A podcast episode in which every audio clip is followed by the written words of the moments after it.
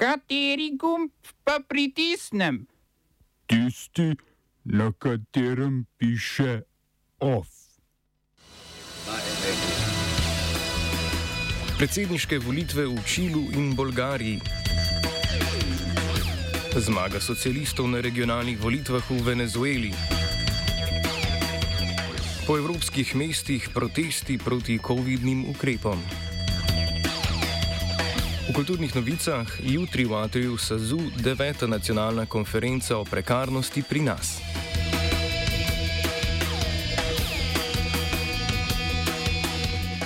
V Čilu sta v prvem krogu predsedniških volitev največ glasov prejela desničarski politik Jose Antonio Cast s približno 28 odstotki glasov in skupni kandidat levih strank Gabriel Borič, ki je, ki je prejel slabih 26 odstotkov vseh glasov.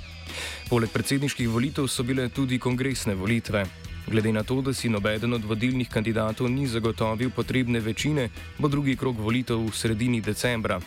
Kast, ki prihaja iz vrst skrajno desne republikanske stranke, je v svojih nastopih večkrat hvalil neoliberalno ekonomsko politiko čilenskega diktatorja Augusta Pinocheja.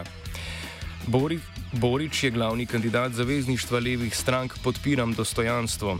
Proslavil se je kot vodja študentskih protestov leta 2011, na katerih so študentje zahtevali reorganizacijo izobraževalnega sistema. Maja letos so sicer čilenci po dveh letih, po dve leti trajajočih protestih zaradi rastoče ekonomske neenakosti z veliko večino na referendumu potrdili spremembe ustave, s katerimi bi upeljali potrebne socialne politike.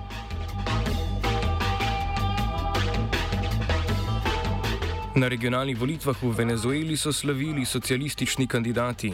Kandidati, ki so povezani z vladajočo stranko Nikolasa Madura, so zasedli 20 od 23 guvernerskih mest, dobili pa so tudi mesto župana v glavnem mestu Caracas. Volilna udeležba je bila sicer do, dokaj nizka, svoj glas je oddalo okoli 42 odstotkov volilnih upravičencev. Opozicija, ki prvič po letu 2018 ni bojkotirala volitev, je doživela velik poraz, je pa med njihovimi tremi osvojenimi zvezdnimi državami z nafto bogata Zulja, kjer se nahaja drugo največje venezuelsko mesto Maracaibo. Pri volitvah je sodelovala tudi skupina opazovalcev iz Evropske unije. Ta bo svoje ugotovitve sporočila jutri, po prvih podatkih pa naj bi volitve potekale mirno. Sudanska vojska je z odstavljenim predsednikom vlade Abdalom Hamdokom dosegla dogovor in mu vrnila premijsko mesto, ki ga je izgubil pred slabim mesecem. Dogovor predvideva vzpostavitev tehnične vlade za obdobje tranzicije, dokler ne bodo organizirane volitve. Hamdok bo pri sestavljanju svojega začasnega kabineta imel proste roke, vojska pa je zagotovila, da bo izpustila vse pridržane politike. Do soglasja je prišlo po nasilnih protestih proti vojaškemu udaru, na katerih je umrlo 40 ljudi.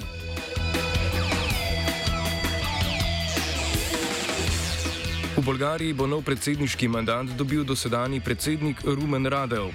Glede na uradne delne rezultate je Radev osvojil dve tretjini glasov ter tako premagal rektorja Univerze v Sofiji Anastasa Gerđikova. Tako Radev kot Gerđikov sta nastopila kot neodvisna kandidata, je pa zmagovalca podpirala bolgarska socialistična stranka. Gerđikova, ki je veljal za konzervativnega kandidata, je podprla stranka Gerb, nekdanjega premijeja Bojka Borisova. Predsedniške volitve sledijo parlamentarnim volitvam, s katerimi se je končalo desetletje vladavine stranke Gerb in Bojka Borisova. Ta je volitve izgubil, potem ko je javnost izvedela za visoko stopnjo korupcije znotraj vladajoče stranke.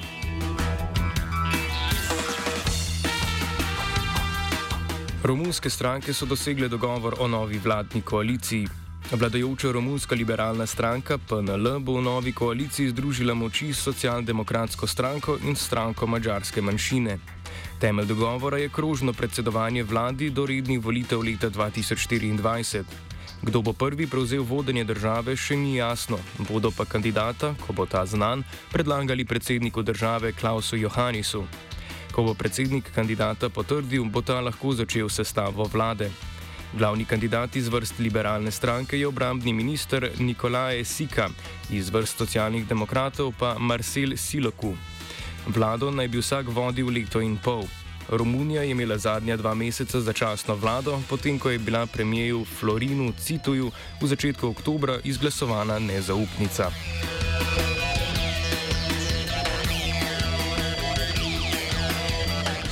Evropske države zaradi naraščajočega števila primerov obolelih z novim koronavirusom postavljajo strožje ukrepe, kar je sprožilo val protestov po evropskih mestih. Z današnjim dnem se v Avstriji zapirajo vse nenujne dejavnosti, proti čemur je v nedeljo na Dunaju protestiralo več deset tisoč ljudi. Nezadovoljstvo je povzročila tudi napoved, da bo s februarjem cepljenje postalo obvezno.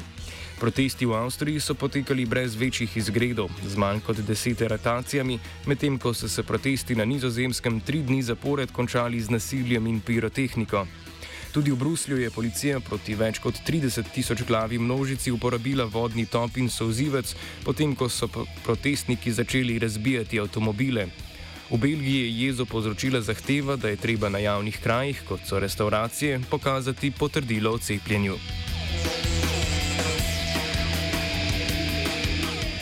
Tisoči so protestirali tudi v Franciji, vendar zaradi visoke stopnje nasilja proti ženskam. V letu 2021 je več kot 100 žensk umoril njihov partner ali bivši partner, glede na raziskavo iz leta 2017 pa je več kot 220 tisoč žensk žrtev nasilja v družini. Protestnice od vlade zahtevajo ukrepe, ki bi nasilje preprečili kličejo po povečanju sredstev za preprečevanje nasilja proti ženskam z 360 milijonov evrov na eno milijardo in po višjem financiranju zavetišč za ženske. Oba, če, če bom odgovoril na angliški. Slovenija bo poskušala pomagati. Slovenija bo naredila naš utmost, da bo rekla, da je situacija naš problem, naš. In mi bomo naredili nadaljnje korake, as soon as the conditions are. Bomo vlado Marjana Cererera Šarca podprli. Very, very serious. News from Slovenija. We know how and we will. Delovska svetovalnica je na današnji novinarski konferenci poročala o rezultatih raziskave glede celovitega življenjskega standarda tujcev v Sloveniji. Opozarjajo predvsem na problematičnost sprememb dveh zakonov, zakona o mednarodni zaščiti in zakona o tujcih. Izsledke raziskave predstavi Goran Lukič. Je to, da pričakovanja so se nekako resničila, eh, predvsem v smislu tega, da je ta zakonodaja bila narejena ne zato, da odpre, če tako rečemo, pač možnosti tujcem, ampak da, da jih še bolj nadzoruje in s tem tudi zapre možnosti tujcem. Uh, če povemo recimo, ne vem, izsledke, uh, kaj se tiče delovnih pogojev, nekak klasični delovnik uh, tujcev v Sloveniji, saj kaj se tiče itega raziskave, je slabih 50 ur, kaj se tiče vključevanja socialnega, je velika težava pri vključevanju na stanovanski, predvsem najemniški trg, ker se cene, sami vemo, dvigujejo, za tujce še posebej. In kombinacija vsega tega v bistvu je potem še hujša, kot po drugi strani je pa nadzor nad tujci še povečan za vedika zakonodaje, torej za vedika razpoložljivih sredstev, ki so na razpolago, torej koliko morajo imeti družine na razpolago za to, da pol, oziroma posameznik dela razdelka, da se lahko združi družino, koliko časa recimo je lahko oziroma mora biti v Sloveniji, da se lahko sploh sproži postopek združevanja družino, prej je bilo eno leto, predtem je bilo torej nič, potem je bilo eno leto, postale zakonodaje, zdaj ponovje dve leti.